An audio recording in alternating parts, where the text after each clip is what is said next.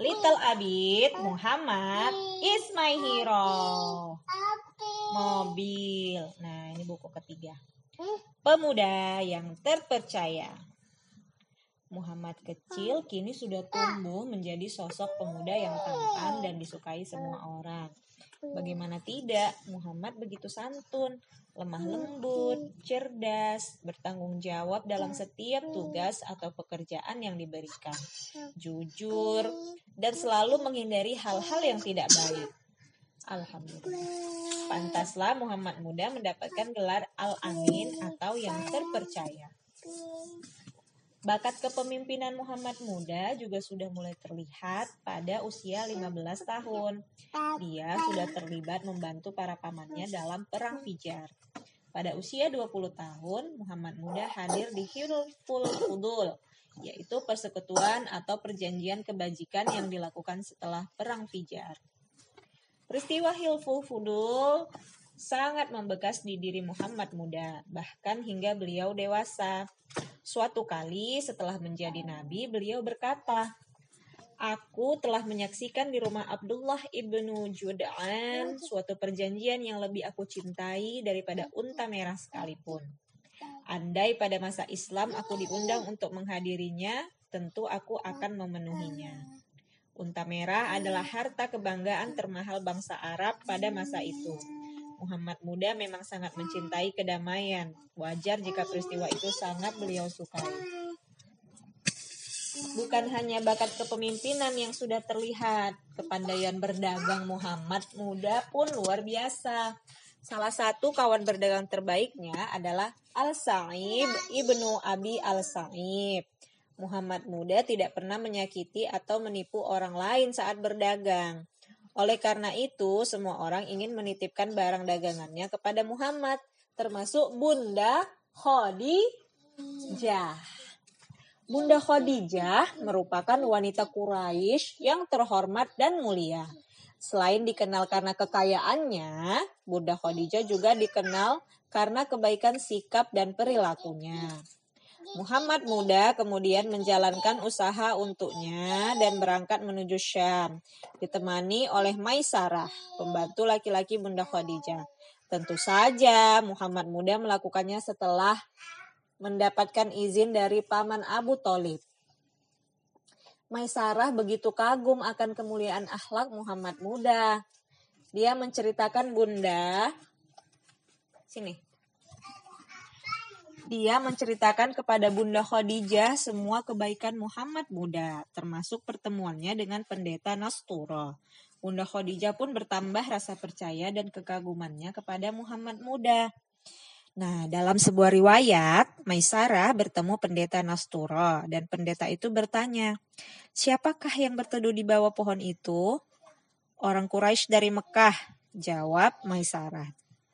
Tidak seorang pun berteduh di bawah pohon itu, melainkan dia seorang nabi. Dia adalah nabi terakhir. Lanjut sang pendeta. Maisarah sangat terkejut dan diam-diam menceritakan semuanya kepada Bunda Khadijah.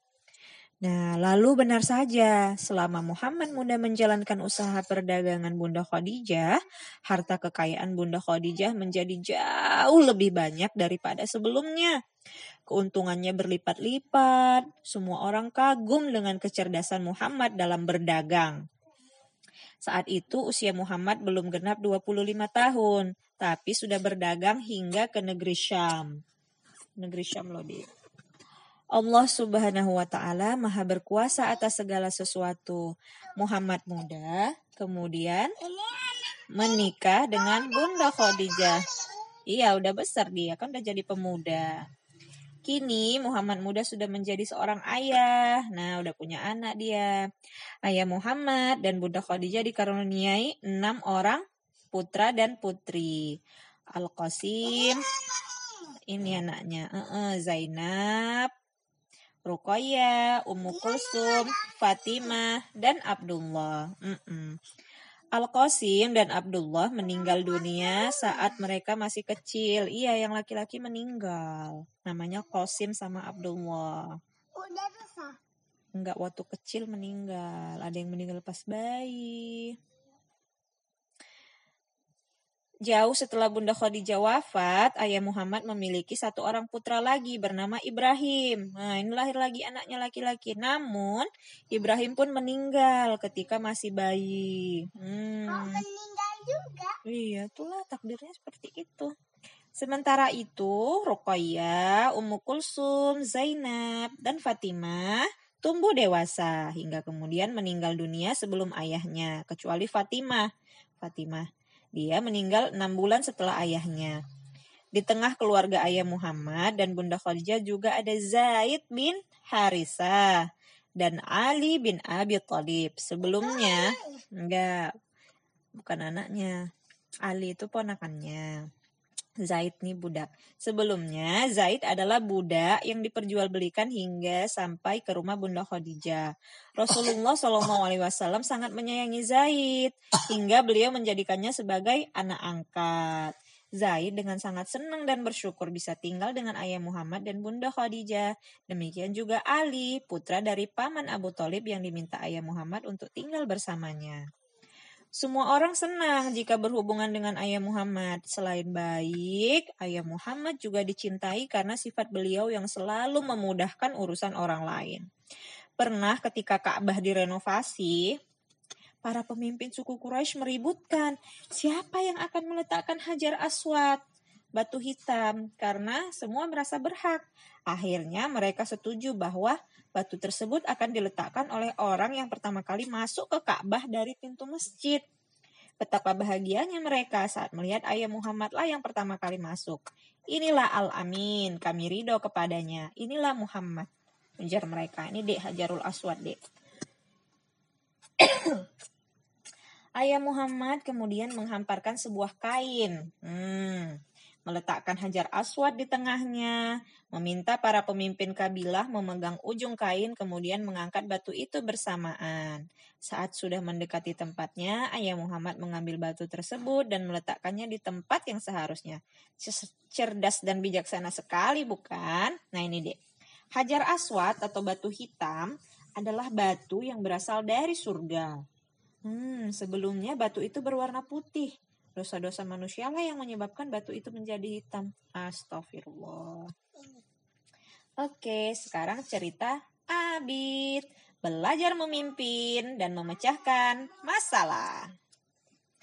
Hei, hei, hei, Abid, Gugun, Memet, ada apa sih? Kok jadi ribut? Ayah Umar datang mendengar anak-anak yang ramai saling berjualan. Ini ayah, Gugun kan jual pisang, Memet beli. Tapi ternyata ada yang busuk. Jadi Mehmet minta pisangnya diganti. Abid menjelaskan. Iya, Gugun gak bilang kalau ada pisang yang busuk. Padahal Mehmet sudah bayar. Ujar Mehmet. Oh gitu. Terus gimana dong? Tanya ayah. Gugun masih punya pisang lain kok. Ayah, jadi mau diganti. Pisang yang sudah dibeli Mehmet nanti dibeli sama Rara. Harganya lebih murah. Burung-burung di rumah Rara masih mau makan, kata Abid. Hmm, yuk, siapakah yang menjual buah-buahan? Siapa ini? Gu? Gugun. Apa yang dijual Abid? Hah? Snack. Siapa yang menjual minuman?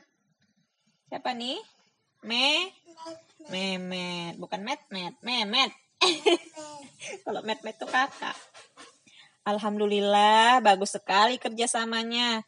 Oh iya, kalau berjualan, kalau berjualan, memang harus jujur biar nggak ada teman yang dirugikan. Periksa baik-baik barang yang kita jual sebelum dibeli oleh orang lain. Kalau memang ada yang rusak atau busuk, sampaikan saja. Ayah sudah pernah ceritakan bagaimana dulu Rasulullah Shallallahu Alaihi Wasallam berdagang. Ayah menjelaskan sambil tersenyum. Iya, Gugun minta maaf ya teman-teman. Gugun kurang teliti, kata Gugun sambil tertunduk. Hari mulai sore, Abid dan teman-temannya berkemas. Mereka berjanji akan lebih teliti saat membeli dan menawarkan barang dagangannya. Mimi mau bilang ke bunda biar kita sekali-sekali boleh berjualan di kantor bundanya. Mimi, pasti seru kalau dibeli om dan tante yang kerja di sana. Mimi bersemangat sama seperti lain. Yeay, selesai. Yang sininya belum.